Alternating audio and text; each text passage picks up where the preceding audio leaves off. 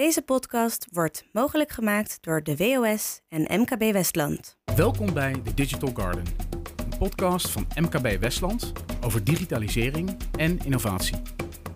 Ik ben Patrick Jordens en in het komende half uur neem ik je mee in de laatste trends op het gebied van digitalisering. En ik geef je stof tot nadenken voor jouw organisatie.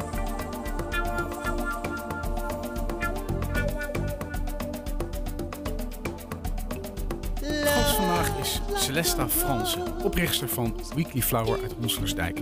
Celesta heeft bedrijfskunde gestudeerd aan de Erasmus Universiteit in Rotterdam en heeft een master in marketing behaald.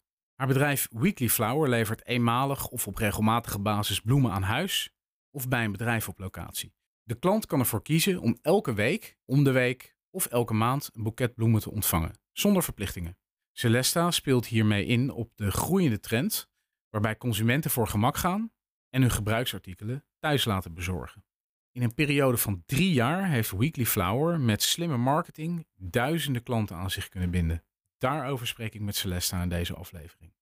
Celesta, welkom bij de Digital Garden. Hey Patrick, nou wat leuk dat ik hier aanwezig mag zijn. Ik heb natuurlijk wat onderzoek gedaan online naar jou.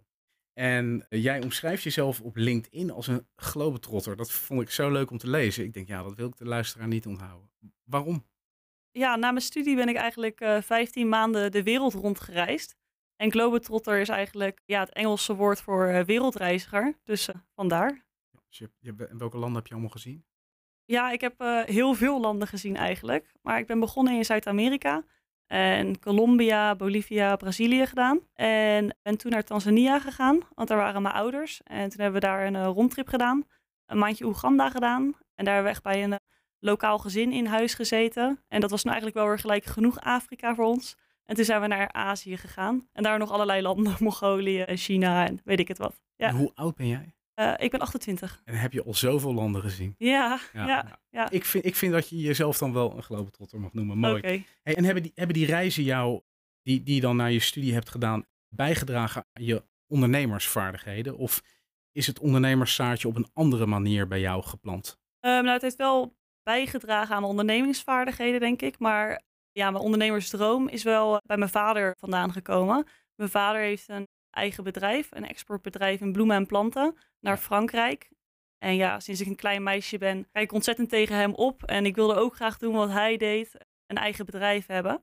En eigenlijk is die ondernemersdroom altijd uh, bij me gebleven. Ja, voor de luisteraar, dat is Seldomie van Ron Fransen, die eerder in de Digital Garden is geweest. En dat verhaal ging over robotisering. Dat is jouw vader. Ja. En ik denk dat je ook wel een beetje met hem samenwerkt dan. Ja, precies. Ja, hij helpt me ontzettend bij mijn bedrijf. Hij uh, koopt er dagelijks al duizenden bloemen en planten in. En ja, met Weekly Flower koop ik eigenlijk met zijn bedrijf in. Dus vers bij de kwekers vandaan. Dat uh, kan hij makkelijk regelen met al zijn uh, korte contacten. Ja, je zit mooi dicht bij de bron. Ja. Maar even over jezelf, hè? want wat is jouw eigen achtergrond en expertise? Ik heb zelf bedrijfskunde gestudeerd en daarna een master marketing gedaan. En in die master ja, heb ik eigenlijk allerlei aspecten van, het, ja, van de marketing meegekregen. Een stukje strategie, dus hoe positioneer je nou een, een merk, maar ook een stukje data-analyses. Hoe kan je nou op basis van marketingdata beslissingen maken? Um, en dat vond ik eigenlijk super interessant. Dus ik ben eigenlijk die datawereld een beetje ingerold. En ja, ben toen eigenlijk bij AOL terechtgekomen en ben daar als data-analyst aan de slag gegaan. Maar ja, na mijn wereldreis kriebelde het eigenlijk nog steeds heel erg om uh, ja, zelf te gaan ondernemen in plaats van data-analyses voor een ander uit te gaan voeren. Um, en toen ben ik eigenlijk uh, ja, drie jaar geleden gestart met, uh, met Weekly Flower. Leuk. En heb jij veel aan die werkervaring gehad die je bij Ahold hebt opgedaan? Um, nou, in het begin van, van de start van, van Weekly Flower niet zo, want toen was alles best wel praktisch. Ik begon natuurlijk klein, dus ik moest zelf mijn bloemen inpakken, zelf het klantcontact doen en dat soort dingen. En er bleef er niet heel veel tijd over om echt analyses te maken. Maar nu wordt het steeds groter en dan uh, ja, wordt het steeds leuker om daar ook mee bezig te zijn. Ja, steeds groter betekent steeds meer data natuurlijk. Ja. Ik heb een stelling voor jou. Facebook is een achterhaald medium. Wat vind jij daarvan? Nou, daar ben ik het niet helemaal mee eens. Ik denk dat, dat Facebook zeker nog potentie heeft. Ook al gaat het achteruit in zijn aantallen, zijn er nog steeds miljoenen gebruikers die er dagelijks ja, gebruik van maken. Um, en ik denk dat Facebook niet voor iedere doelgroep geschikt is. Dus je moet wel goed kijken van, joh, wat is mijn doelgroep en past dat überhaupt bij Facebook? Maar ik denk dat je op bepaalde manieren nog steeds gebruik van kan maken. Wat is, wat is de doelgroep die je goed kunt bereiken met Facebook bijvoorbeeld? Nou ja, jongeren zitten tegenwoordig natuurlijk alleen op TikTok. Dus die kan je sowieso niet bereiken. Maar ik denk dat er zeker een oudere groep nog wel op uh, Facebook aanwezig is. En het voordeel van Facebook is wel dat je ook Facebook groepen hebt. Dus je kunt echt wel een soort community bouwen met je, ja, met je potentiële klanten. Nou, we gaan het daar straks vast nog wel even over hebben. Ik zeg het natuurlijk niet voor niets, want mijn waarneming is ook dat jongere mensen eigenlijk niet meer zo op Facebook zitten. Niet meer een Facebook profiel aanmaken, maar andere social media. Ja. En ik denk dat als jij eh, consumenten als doelgroep hebt, hè, business to consumer diensten verleent, dat je dan natuurlijk ook jonge mensen wil bereiken. Dus dan is misschien Facebook niet het beste medium. Ja, het ligt er dus heel erg aan wat je doelgroep is, zeg maar. Stel je voor, je koopt uh, rollators voor ja, mensen die uh, redelijk tegen hun pensioen aan zitten. Uh, die maar zitten misschien nog wel op Facebook en die zien daar nog wel de advertenties voorbij Zijn komen. zo oud, die Facebook-gebruikers? nou ja, oké, niet zo oud misschien. Ja. Maar bijvoorbeeld ook voor mij, ik heb natuurlijk een online bloemenservice en mijn typische klant zit tussen de 25 en 55 jaar. Ja. En er is zeker een groep die nog gebruik maakt voor Facebook. Stel je voor, ik zou daar bijvoorbeeld een Facebook groep voor openen, waarin mensen ook hun eigen content kunnen delen en met elkaar ja, in gesprek kunnen gaan. Zou ik bijvoorbeeld een bloemschik groep kunnen openen, waarin iedereen actief is en waarin je dan zelf als ja, Weekly Flower de leiding over hebt. Zeg maar. Ik denk dat dat soort dingen wel potentie, uh, potentie hebben. Ja, ja. Waar komt het idee van Weekly Flower eigenlijk vandaan? Het was natuurlijk al een bestaand concept. Bijvoorbeeld Bloemon biedt vergelijkbare dienstverlening, maar jij had vast het idee dat dat beter kan. Nou, zo ben ik niet helemaal uh, op mijn bedrijfsidee gekomen. Ik uh, werkte dan als data-analyst en had eigenlijk nog steeds heel erg de kriebels om te ondernemen. Dus ik had super veel inspiratie over allerlei, uh, over allerlei dingen. En ik zat eigenlijk op een dag thuis en ik keek uit het raam en ik zag dat er een uh, HelloFresh busje bij mijn overbuurvrouw stopte. En dat is natuurlijk een box met allerlei ingrediënten waarvan je je eigen maaltijd gaat maken aan de hand van een recept. En ik dacht eigenlijk, hoe tof is het wel niet om in plaats van, uh, van zoiets een bloemenbox te ontvangen. Dus eigenlijk allemaal losse stelen waarvan je zelf met, uh, aan de hand van een uh, boeketrecept, als het ware, een boeket kunt, kunt maken. Dus ja, dat heb ik eigenlijk op de markt gebracht, een soort do-it-yourself bloemenbox. En ja, met mijn vader kon ik die bloemen dan natuurlijk makkelijk regelen, die dan super vers waren. En door die korte samenwerking kon ik het ook voor een redelijk lage prijs aanbieden. Um, en ja, de feedback die ik toen van klanten kreeg, was dat ze het helemaal niet zo tof vonden om het op de vaas te schikken. En dat het uh, ja, eigenlijk niet zo'n uh, heel goed idee was. Maar iedereen was wel super enthousiast over de kwaliteit van de bloemen en de prijs. Toen ben ik eigenlijk meer gaan zitten op een betaalbare bos die ontzettend lang mooi blijft. Uh, ja. ja. Dus vandaar dat ik eigenlijk uh, uiteindelijk meer in het straatje van Bloemont terechtgekomen ben dan, dan initieel de gedachte was. Ja, in abonnementsvorm denk ik dan. Ja, ja dat ja. was wel, ja, net als HelloFresh, dat is natuurlijk ook een soort abonnementsvorm waar je iedere week opnieuw weer ja, producten voor binnenkrijgt. Duidelijk. Hey, en ben, wanneer ben jij gestart met, met Weekly Flower en hoe heb je dat aangepakt, de start? Ik ben drie jaar geleden, ja, iets meer dan drie jaar geleden gestart. En op dat moment werkte ik nog bij, ja, bij mijn fulltime baan. En ik ben eigenlijk in de avonduren en in het weekend ja, idee gaan werken, zeg maar. Dus uitzoeken van wat is, wat is een leuke bedrijfsidee en hoe ga ik dat uitvoeren. En ook het bouwen van mijn eigen website. En dat kostte best wel wat, wat tijd, want dat kon ik eigenlijk nog helemaal niet. Je hebt zelf de website gebouwd? Ja, die heb ik zelf gemaakt. Ja. De meeste mensen laten dat doen bij een web, webbouwer of... Ik, ik zou niet weten hoe je een website moet bouwen. Ja, ja, ik wist het eerst ook niet, maar nu, uh, nu wel. Nu kan ik uh, websites maken. Oh, echt waar? Ja. Hey, en hoe heb je dat geleerd dan?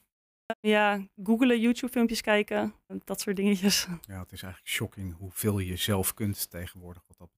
Ja, het is waar allemaal heb heel die website in ontwikkeld? Of waar bouw je dat dan in? Uh, ik heb het in WooCommerce gedaan, dus WordPress en dan WooCommerce als plugin, zeg maar. En nog andere plugins die daarop aansluiten. Ja.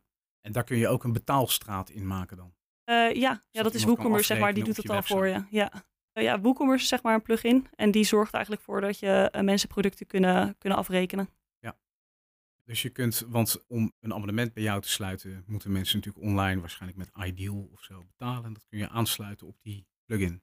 Ja, ook weer inderdaad. Ja, dan heb je dan weer een aparte instantie voor. Ik werk dan met Molly, dat is een betalingsprovider. En die werkt dan samen met WooCommerce inderdaad. Ja. Dus dan, uh, ja. Mooi. En toen had je een website en nul klanten. Ja. Wat, wat, wat zijn de eerste vormen van promotie die je bent gaan, die je bent gaan uitvoeren? Wat heb, wat heb je gedaan om klanten te werven? Nou, ik was eigenlijk gestart met Google Ads. Dus Dat is proberen hoog te komen in, in Google. Dus als iemand bloemenabonnement zoekt, dat hij jou dan bovenaan ziet staan. En dan klikt en jouw product aanschaft.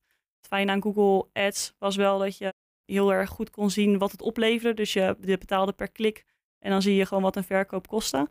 En ook zijn die klanten al super geïnteresseerd in het product. Die zijn op zoek naar een bloemabonnement. Dus ja, je hoeft alleen nog maar een goede oplossing te bieden. En dan, ja, dan waren ze een klant. Dus dat was eigenlijk waar ik voornamelijk mee startte. En ik heb wel flyers verspreid in het begin ook. MKB Westland. Word nu lid op www.mkbwestland.nl. Oh, dus je hebt ook offline kanalen gebruikt? Ja, in het begin heb ik een keertje flyers uh, verspreid. Ja. En dat doe je nu niet meer? Nee, in principe, ja, ik heb het nog één keer later ook nog gedaan, maar in principe niet, uh, niet regelmatig, nee. Dat vind ik wel een interessante, want heb je dan alleen maar online kanalen waar je, waar je op teruggrijpt? Ja, over het algemeen gebruik ik uh, online kanalen, omdat het gewoon super inzichtelijk is, ja, waar, ja, hoeveel het heeft gekost zo'n verkoop, zeg maar. maar ik heb dus ook wel wat offline gebruikt, zoals twee keer heb ik volgens mij een flyer uitgestuurd. Dan kun je ook wel redelijk traceren wat eruit voortkomt door een specifieke waardeboncode mee te geven, zeg maar. En dan kun je zien wat het uiteindelijk heeft opgeleverd. En ik heb vorig jaar heb ik op de Margriet Winterver gestaan. Dus dat was een groot event vol uh, ja, vrouwen die ook in mijn doelgroep zitten. Dat was ook eigenlijk uh, ja, superleuk en heeft veel bekendheid gegenereerd. En je ziet dan minder dat direct terug in de directe verkopen. Maar als dan bijvoorbeeld weer kijkt op Google Analytics, zie je wel weer dat, dat organisch verkeer, dus mensen die gewoon direct naar Weekly Flower zoeken, dat dat enorm is toegenomen. Dus ja, dat heeft ook wel uh, goede impact gehad op, ja, op mijn cijfers. Ja, maar nou hoor ik toch terug dat jij veel baat hebt gehad bij jouw data-analyse achtergrond. want je, bent, je denkt wel gelijk in termen van ik moet kijken naar de resultaten en op basis van de data maak ik een beslissing, ga ik wel of niet verder met zo'n kanaal. Ja, zeker. Dat, dat bekijk ik inderdaad altijd. Ik kijk altijd achteraf van, joh, heeft dit zin gehad en heeft het opgeleverd en wat dat ik erin heb geïnvesteerd. Ja, dat is dan toch handig geweest. Mooi. Jij, je leert op basis van ervaring natuurlijk steeds meer. Hè? Kun je iets vertellen over de ontwikkeling van marketing en sales? Ja, ik kan vertellen wat ik voornamelijk heb geleerd, zeg maar, van, uh, vanuit mijn activiteiten die ik nu heb uitgevoerd. Um, ik focuste eerst heel erg op bijvoorbeeld het aantal klanten binnenhalen, dus zoveel mogelijk klanten werven. Maar eigenlijk is het helemaal niet handig om dat alleen maar te doen. Het is ook heel belangrijk om te kijken naar de klantwaarde. Dus wat levert zo'n klant nou in zijn totaliteit op? Bijvoorbeeld een eenmalige klant is een stuk minder waard dan een abonneeklant die een jaar lang blijft. Um, en dat is niet altijd direct inzichtelijk. Zeg maar. Je kunt in Google Ads bijvoorbeeld wel zien wat een klant de eerste keer uitgeeft. Maar een klant kan natuurlijk twaalf keer een aankoop maken in dat jaar. En dan is hij uiteindelijk veel meer waard geweest. Dan kun je ook veel meer geld investeren om zo'n klant binnen te halen. En dat was eigenlijk wel een beetje een fout die ik in het begin maakte, door daar geen onderscheid in te maken, waardoor sommige klanten me te veel geld hebben gekost. En je kunt eigenlijk zo'n klant ook meer waard laten worden door hem proberen te laten upgraden. En bijvoorbeeld uh, als hij eerst een eenmalig boeket heeft aangeschaft, kijken of hij ook geïnteresseerd is in een, bijvoorbeeld een mini bloemenabonnement. Een klein stapje meer. Want wat is een klein stapje meer? Want je hebt dus verschillende gradaties in het abonnement. Um, ja, nou, ik heb eigenlijk gewoon een andere benaming gegeven. Dus je kunt in principe is een abonnement hetzelfde als een mini bloemenabonnement. Alleen een mini bloemenabonnement klinkt voor veel mensen wat toegankelijker. Omdat ze denken, oh dat is mini, dus dat stopt automatisch en dat voelt veilig. Een abonnement klinkt vaak al eng, alsof ze eraan vastzitten en dat ze er nooit meer van afkomen. Dus vandaar dat ik een soort van tussenstap heb gemaakt, een mini bloemenabonnement. Dan geef je eigenlijk drie keer een bos bloemen, iedere vier weken en dan stopt het automatisch. Ja, want uh, dat heb jij dus geleerd dat kennelijk het feit dat mensen vastzitten in een abonnement, dat dat een showstopper is. Dus daarom heb je dat mini-abonnement gemaakt, laagdrempeliger. Ja, voor mensen die eigenlijk geen abonnee-klant zijn. Dus eigenlijk zijn dat mensen die alleen maar eenmalige boeketten kochten. En die waren eigenlijk ja, niet geïnteresseerd in een abonnement, omdat ze dat eng vonden. En daar heb ik een soort tussenstap voor gemaakt van joh, een mini-bloemenabonnement. En daarop treden ze dan eerder, uh, ja, kopen ze wel, zeg maar. Dat ze denken van, oh, dat is een leuk iets groter cadeau om te geven dan dat ze een eh, eenmalige bos geven.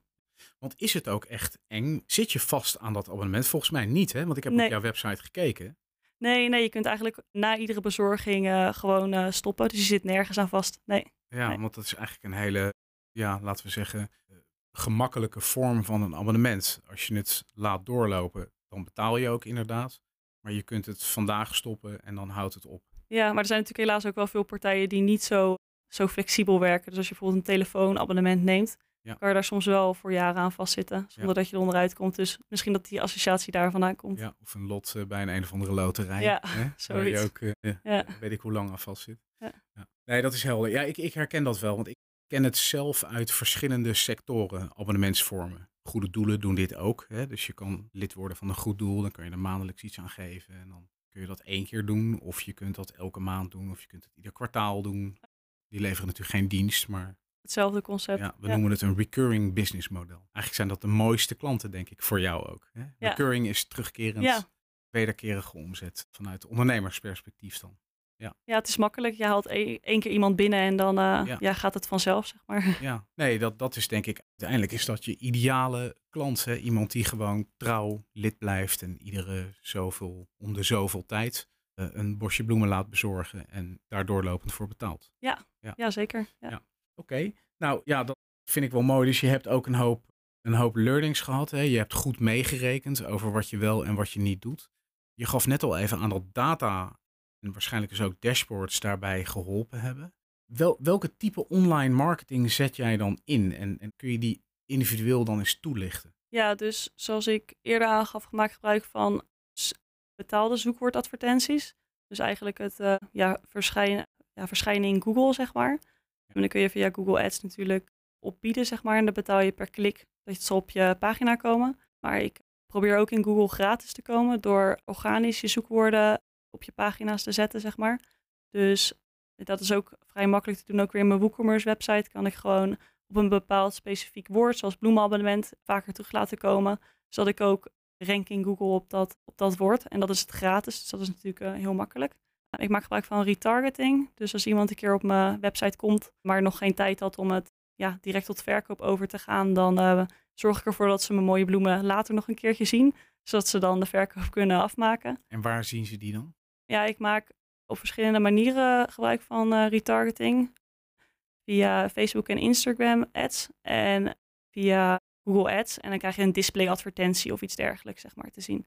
Dus een klein stukje op allerlei plaatsen. Bijvoorbeeld boven in je mail of ja, waar dan ook. Ja, en daar, dat gaat, gebeurt op basis van cookies. Hè? Ja, dus Ja. iemand moet wel eerst toestemming geven Ja. op de Ja. cookies en dan uh, kan die geretarget worden. Dit zijn natuurlijk technieken waarvan de gemiddelde mensen eigenlijk niet afweet, maar een marketeer wel. Hè, dus je weet als marketeer, ja, kan je op verschillende manieren je doelgroep bereiken. Hartstikke mooi. De eerste die je noemde is in feite advertising, is Search Engine Advertising, SEA. En dat betekent gewoon, ja, je betaalt voor verschijningen. Ja, klopt. En ja. mensen kunnen klikken op een advertentietje van jou. Dus als je in Google aan het zoeken bent, dan krijg je opties te zien. Nou, dat is betaalde, betaald verkeer wat op je website komt. En je hebt organisch verkeer, Search Engine Optimization. Dus dan richt jij je website en de teksten daar zo in dat mensen jou vinden. Dus je zorgt dat de zoekwoorden daar terugkomen. Ja, klopt. Ja. Ja. En schrijf jij die content zelf? ja, ik schrijf die content zelf. Dus jij kunt SEO schrijven. Dat betekent dat je de juiste zoekwoorden kunt vinden, kunt, kunt inbrengen in je tekst. Je moet op een bepaalde manier in jouw teksten moet je zo inrichten dat de zoekwoorden waar uiteindelijk bezoekers op zoeken, dat die terug te vinden zijn, zodat ze jouw website vinden. Hoe weet jij wat de juiste zoekwoorden zijn? Ja, dat klopt inderdaad. Ik ga op zoek naar, de, naar goede keywords, zeg maar. Bij Google eh, eh, Keyword Planner kun je kijken wat, eh, ja, wat, veel, wat de zoekvolumes zijn per, per zoekwoord, zeg maar. En je hebt ook allerlei andere manieren om, om goede zoekwoorden te vinden. Je kunt bijvoorbeeld ook op Google zelf een gedeelte van, van het woord intypen. En dan geeft hij al een soort van ja, aanbevelingen onderin. Met wat ook een goed zoekwoord zou kunnen zijn. En je hebt ook allerlei andere ja, alternatieven, zoals bijvoorbeeld Ask the Public. Dat is een website en die maakt dan een soort van langere zinnen van een bepaald woord die daaraan uh, aan gelinkt zijn. En dat soort uh, ja, dingen kan je ter inspiratie gebruiken. Oh, je kunt ook bijvoorbeeld kijken op concurrenten de website. Die gebruiken soms ook wel eens uh, ja, hele specifieke woorden. Die kun je dan ook ter inspiratie op doen. En dan weer kijken wat het zoekvolume is op zo'n woord in Google Keyword Planner. Zijn dit betaalde websites of zijn dat gewoon gratis? Nee, apps, gratis is dat. Websites ja, die je gratis, kunt vinden. Gratis. Ja. Oh, leuk. Die delen we dan eventjes in de, in de beschrijving van de podcast, als jij dat goed vindt. Ja, tuurlijk. Ja, dat is goed. Dan ja. zetten we er even wat linkjes bij, zodat anderen ook kunnen kijken van, joh, is dat iets waar ik, waar ik wat mee kan? Even benieuwd, het is een beetje een impertinente vraag hoor, want misschien is het wel heel erg concurrentieel, maar ik ga het je toch gewoon vragen. Wat is nou jouw best renderende kanaal? Ja, het ligt er een beetje aan wat je best renderend, uh, wat je eronder verstaat, zeg maar. Als het uh, de omzet is die je terugkrijgt voor de kosten, zeg maar, dus de verhouding daarvan, dan is het natuurlijk SEO het meest voordelig, want dat is gratis reclame en je krijgt er natuurlijk uh, omzet voor terug. Dus dat is best renderend. Maar als je kijkt naar wat levert mij nou het meeste omzet op, dan is dat Google Ads, zeg maar. Dat is ja, waar ik de meeste omzet vandaan haal. Ja. En dus uiteindelijk de meeste winst. Ja, ik snap wat je zegt, maar ik denk dat je volume haalt met adverteren in plaats ja. van met gevonden woorden. Hè? Dus ja, precies, ja. Search Engine Optimization, SEO, is iets wat je sowieso moet doen. Een tip aan elke luisteraar. Als je niet nadenkt over de teksten die je schrijft, kun je ze beter niet schrijven. Het is heel belangrijk dat je weet ja, waar jij op gevonden wordt. Het is hartstikke leuk, denk ik, dat je van alles wil vertellen aan de markt. Maar eigenlijk is de truc in online marketing is juist dat vertellen waar men op zoekt, zodat je gevonden wordt. Um, maar jij zegt, ik haal gewoon de meeste klanten uit adverteren. Ja, precies. Die mensen zijn al op zoek naar het product en die, uh, ja, alles wat ze nodig hebben is een aanbod, zeg maar. En uh, organisch zoeken is ook, kan voor sommige branches misschien beter werken als je niet zoveel concurrenten hebt. Maar mijn markt is best wel vol, waardoor er ook veel grote spelers zijn die misschien sneller bovenaan uh, zouden kunnen komen. Wie zijn eigenlijk jouw concurrenten? MKB Westland, belangenbehartiging, netwerkorganisatie en kennisplatform voor ondernemers. Nou, toen ik startte was eigenlijk Bloemon mijn enigste concurrent. Maar in de loop van de tijd zijn er eigenlijk steeds meer bloemenabonnementpartijen bijgekomen. Dus ja, de, op, de, op dat punt zijn er nu verschillende aanbieders. En ja, ik concurreer natuurlijk ook nog steeds wel gewoon met de lokale bloemist of met Fleurop of met Kriets en dat soort uh, partijen. Nou zag ik jou niet voor niks zo door over al die marketingtechnieken. Want de reden waarom ik aansloeg op jouw bedrijf, ik ken jouw bedrijf trouwens goed, want ik ben er zelf klant. Ik, ik, dat is toeval, hè? maar dus ik ken het product en ik ben er hartstikke blij mee. En ik, ik heb dan eens in de zoveel tijd, mijn vrouw heeft dat abonnement afgesloten, heb ik een bezorgste aan de deur en dan krijg ik een hele mooie bos bloemen. Dus ja, toevallig ben ik er zelf ook klant van. Maar jij hebt in drie jaar tijd heb je echt duizenden klanten geworven. En ik vind dat dus voor een relatief jong bedrijf, vind ik dat enorme aantallen. Um, hoe, hoe kijk je daar zelf naar? Ben je daar tevreden over? Of zeg je van ja, dat, maar dat is ook nodig? Of vertel daar eens wat over. Nee, ja, ik ben er zeker blij mee. En uh, dat gaat zeker de goede kant op. Maar ik ben nog lang niet tevreden over waar ik uiteindelijk wil zijn. Dus er is nog zeker veel, uh, veel werk aan de winkel. Maar ja, de groei die ik de afgelopen periode mee, ja, mee heb gemaakt, daar ben ik wel, uh, ja, wel heel blij mee. Ja. Dus dat is pure ambitie wat ik hier hoor. Je bent, er, je bent nog niet tevreden genoeg. Ja, precies. Maar wat is je ambitie? Ja, de grootste van Nederland natuurlijk op, uh, op het bloemengebied. Dat vind ik wel een hele gezonde ambitie. Dat is mooi. Ik kan me voorstellen dat als jij zoveel klanten hebt geworven, dat zijn natuurlijk niet allemaal klanten in de, uh, de categorie klantwaarde die je zou willen. Je wil het liefste een klant hebben die eens in de zoveel weken een boeket ontvangt, daarvoor betaalt en dat tot in lengte van dagen doet. Maar een goed deel van de klanten zal ook een keer een eenmalige bestelling doen. Dat Ja. stel ik me zo voor. Ja, klopt. Ja. Wat doe je voor acties met je bestaande klantenbestand, zodat klanten ook daadwerkelijk klant blijven, hè, zodat ze tot die beste categorie klant gaan behoren? En dat klanten uit het verleden, die misschien een keer wat besteld hebben, dat die ook weer opnieuw gaan bestellen. Ehm, ja, ik maak gebruik van e-mailautomatiseringen. Dus ik heb een mailing provider. En ja, die zorgt eigenlijk gewoon voor dat er automatisch mailtjes worden verstuurd op bepaalde momenten. Dus stel je voor iemand heeft bijvoorbeeld ja, een periode niet besteld. Dan ontvangt hij een mailtje met: Hey, je hebt eh, deze bloemen de afgelopen periode gemist. En dan een super mooie afbeelding dat iemand denkt: Oh, balen, ik had ook die bosbloemen willen, willen ontvangen. En dan, eh, ja, dan hoop je natuurlijk dat ze weer terugkomen, zeg maar. En ook bijvoorbeeld eh, automatisering die ik heb lopen is dat voordat iemand zijn abonnement afloopt, krijgt hij een mailtje van: Joh, let op, eh, je abonnement loopt af over twee weken, bijvoorbeeld eh, verlengen op tijd. En om een klant wat, ja, wat rendabeler te laten worden, stuur ik ook altijd een soort mailtje die eh, een ander product introduceert. Dus stel je voor, je hebt een abonnement, dan laat ik ook even weten van: Joh, wist je dat je ook als lid zijnde tegen een gereduceerd tarief een eenmalig boeket kan sturen. Dus stel je voor je moeder is jarig of wat dan ook, dan kun je ook een leuke eenmalige bos bestellen, zodat die persoon ook voor dat soort bestellingen bij mij uh, terechtkomt. Ja. Dus dat is wat, dan- Wat een frisse idee is dat allemaal. Heb je ook eh, bijvoorbeeld tel, tell a friend acties? Ja, die had ik in het begin wel, ja. Maar ja, nu niet meer. Ja. Waarom niet eigenlijk? Uh, ja, dat was een beetje lastig in te stellen op mijn website, zeg maar. Dus dat was technisch was dat wat, wat lastiger. Dus ik heb dat gewoon weggehaald. Dat liep niet altijd even goed. Ja, daar zat gewoon even de techniek in de weg. Ja, online gezien wel. Maar ik heb wel, als iemand nu nieuw is bij mij... en die krijgt bijvoorbeeld een boeket van toegestuurd... dan krijgt hij een kaartje van, oh, dit is Weekly Flower... en voor je eerste bestelling krijg je een korting, zeg maar. Ja, leuk. Dus je bent eigenlijk continu bezig met marketing automation continu bezig met je klantenbestand. Je probeert klanten herbestellingen te laten doen, contracten te laten verlengen. Ik neem aan dat je daar ook alle resultaten van monitort. Ja, klopt ja. Ja, dat in principe zeg maar die, bij die mailing provider kun je gewoon zien wat de resultaten zijn geweest over een bepaalde periode. Maar ik hou dat zelf dan wel wat ouderwets gewoon bij in een soort Excel sheet. Dus per maand kijk ik van joh, hoe hebben ze het nu gedaan en kan ik iets beter doen en kan ik iets toevoegen of weghalen. Maar hoe werkt dat nou in praktijk? Hè? Want je, je hebt het over een mailing provider. Ja. Wat, wat is een mailing provider? Ja, Sendinblue heb ik dan bijvoorbeeld. Ik weet ook niet precies hoe je zoiets noemt.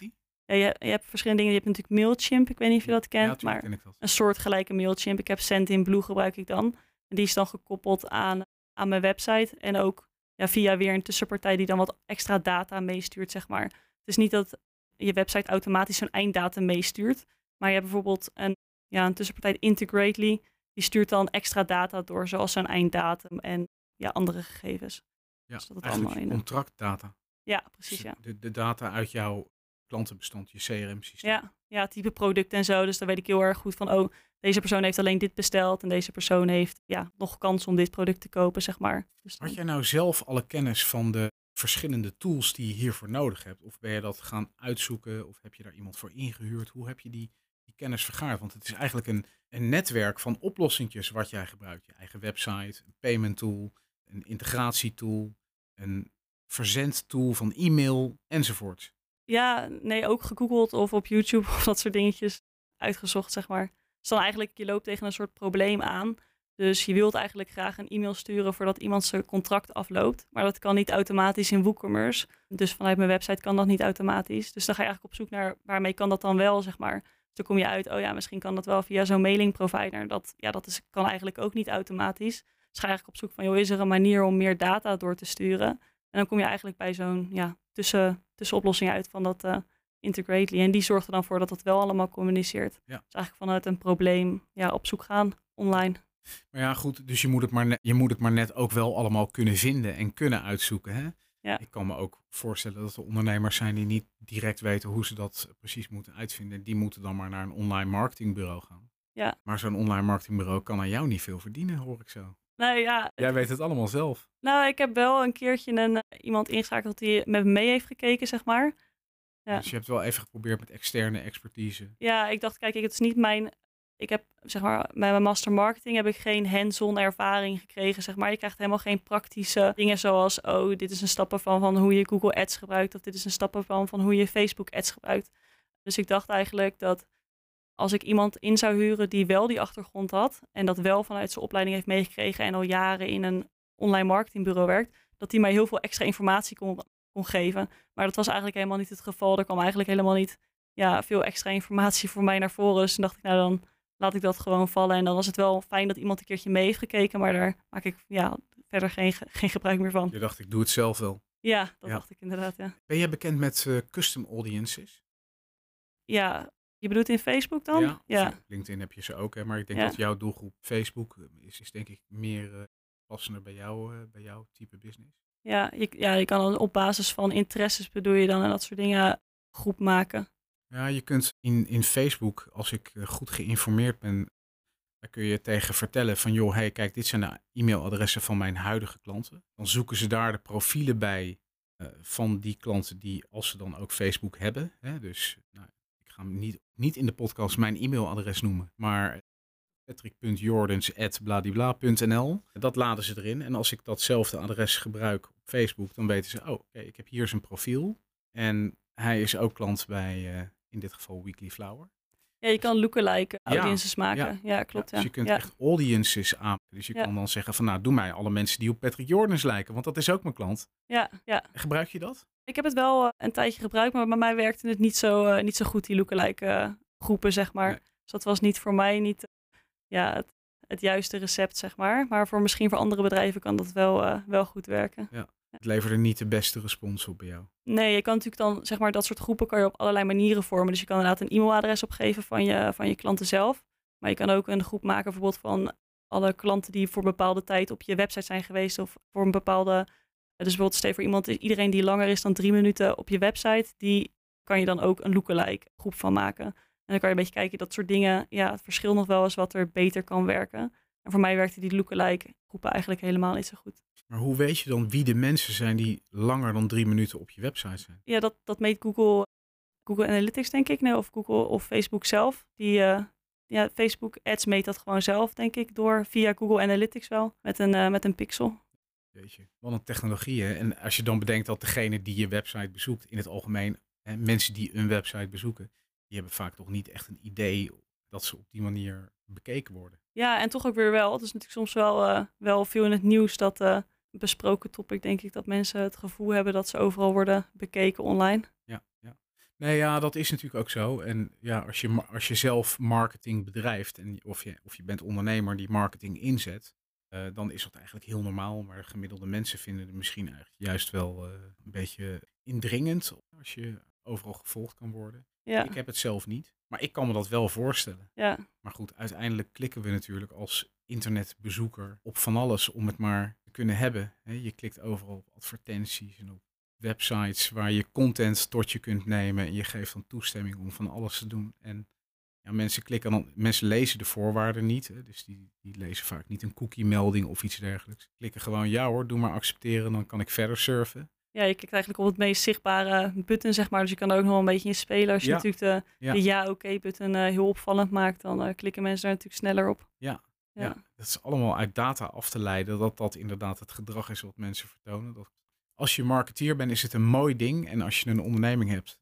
en het werkt voor je, is het natuurlijk ook fantastisch. En ja, zoveel klanten die je hebt geworven, is. Ik neem daar wel mijn petje voor af hoor, Celesta. Nou, dankjewel. Gebruik je je klantdata ook voor andere inzichten dan die met een sales doelstelling? Bijvoorbeeld ook om te zien wat je klanten graag bestellen en hoe je je voorraad moet inrichten? Um, nee, ik gebruik het voor de rest uh, nergens voor eigenlijk. Ik, ik heb ook, werk ook niet met een voorraad, dus dat is, maakt het allemaal een stukje makkelijker. Ik bestel mijn bloemen echt op aantal. Dus ik heb niet, uh, ik loop daarin geen, uh, geen risico of iets dergelijks. Dus nee. Oh, dat is wel handig. Dus je houdt geen voorraad aan. Nee, ik ben niet zoals een normale bloemist, zeg maar. Dus stel je voor, ik heb een bezorging op woensdag. jij hebt een bezorging op woensdag. Dan bestel ik de bloemen op maandagavond. Dan komen ze op dinsdag bij mij op locatie binnen. Dan gaan we ze schikken. En dan worden ze de volgende dag uh, bezorgd. Dus Oh, dat is echt op, ja, op bestelling. Er blijft niks over. Er zijn geen andere inzichten die je uit je klantdata zou kunnen halen. Um, ja, ik zou niet weten hoe ik dat op dit moment zou kunnen gebruiken, nee. Heb jij als laatste nog goede tips voor MKB-ondernemers die serieus aan de slag willen met online marketing binnen hun organisatie? Waar, waar begin je bijvoorbeeld altijd eerst mee? Um, ja, ik zou uh, altijd starten om, het, om data inzichtelijk te maken van je website. Dus uh, Google Analytics te installeren. Dan nu uh, Google Analytics 4, mocht je dat niet, niet hebben. Dat denk, is denk ik de belangrijkste start. En dan zou ik kijken naar wie is mijn doelgroep en waar kan ik die doelgroep vinden. Ja, zoals we het eerder hadden besproken, ook zeg je hebt een jonge doelgroep, kun je die ergens anders vinden dan een oude doelgroep. Nadat je doelgroep bepaalt, zou ik kijken van joh, welke kanalen wil ik inzetten. En dat kan afhankelijk zijn van de doelgroep, maar ook ja, wat voor capaciteit heb je zelf. Heb je zelf bijvoorbeeld iemand die heel lekker schrijft, dan kan je misschien wel een leuke blog starten en vanuit daar proberen e-mails te gaan werven en uh, ja, volop e-mail marketing te gaan zitten. Maar heb je juist iemand die leuk filmpjes kan maken, kan je wel misschien veel beter op Instagram uh, ja, gaan zitten. Um, en als je je media hebt gekozen, zou ik zorgen dat je daarna je website uh, op orde is, dat mensen ook echt uh, ja, actie gaan ondernemen, zeg maar. Dus een goede landingspagina waarbij je klant ook ziet van, joh, waarom moet ik bij dit bedrijf zijn en wat kunnen ze mij bieden? En ja, makkelijk te navigeren. Um, dus ik zou, ja, een beetje de, de stappen. Ja, het is, het is natuurlijk heel lastig, heel jammer, laat ik het zo zeggen, dat als je alles aan de voorkant goed hebt ingericht en je haalt kopers naar je website toe, klanten naar je website toe, of dat nou consumenten zijn of zakelijke klanten. Ja. En ze komen daar en je verliest ze doordat het, het, heel moeilijk te vinden is waar ze naartoe moeten. Dus je moet zorgen dat je de pagina waar ze komen, dat ze daar makkelijk kunnen bestellen. Makkelijk klant kunnen worden. Ja, precies. En ze moeten ook de meerwaarde van je kunnen inzien. Dus dat ze op je pagina komen en gelijk denken van, oh ja, dit is een tof product en dit wil ik echt hebben. En dan ja, makkelijk er doorheen gaan en ja, die aankoop ook echt kunnen voltooien. En als je natuurlijk een, meer aan bedrijven levert, dan hoeft het niet per se een verkoop te zijn, maar kan bijvoorbeeld ook een contactformulier invullen zijn als, als einddoel, zeg maar. Maar dat, ook dat moet makkelijk uh, te doen zijn. De gebruikerservaring moet waarschijnlijk gewoon goed zijn. Ja. Ja, en fijn. Ja, ik vond het echt heel erg leuk om dit gesprek met jou te voeren. Jij bent een digital native, zoals ik dat dan maar zeg. Jij kan je de tijd niet herinneren dat er geen internet was. Ik wel. Dat zegt iets over, over mijn leeftijd. Die ik hier natuurlijk niet prijs ga geven. Maar wat ik mooi vind om te zien is dat je echt vanuit een digitale mindset denkt en jezelf er ook in verdiept hebt. Welke tools heb ik nodig om tot mijn doelstelling te komen? Dus ja, ik denk dat, dat eh, de luisteraar daar echt zijn voordeel mee kan doen. Dat zijn soms niet mensen die dat allemaal zomaar gevonden hebben. We zullen in de beschrijving van de podcast zullen we wat links delen. En ja, ik denk dat hier echt hele mooie lessen in zitten voor de luisteraar. Dus ik wil jou hartelijk bedanken voor je aanwezigheid hier, dat je dit hebt willen delen. En jou wil ik ook bedanken voor het luisteren. Dit was de Digital Garden. The Digital Garden. Like en subscribe op Spotify.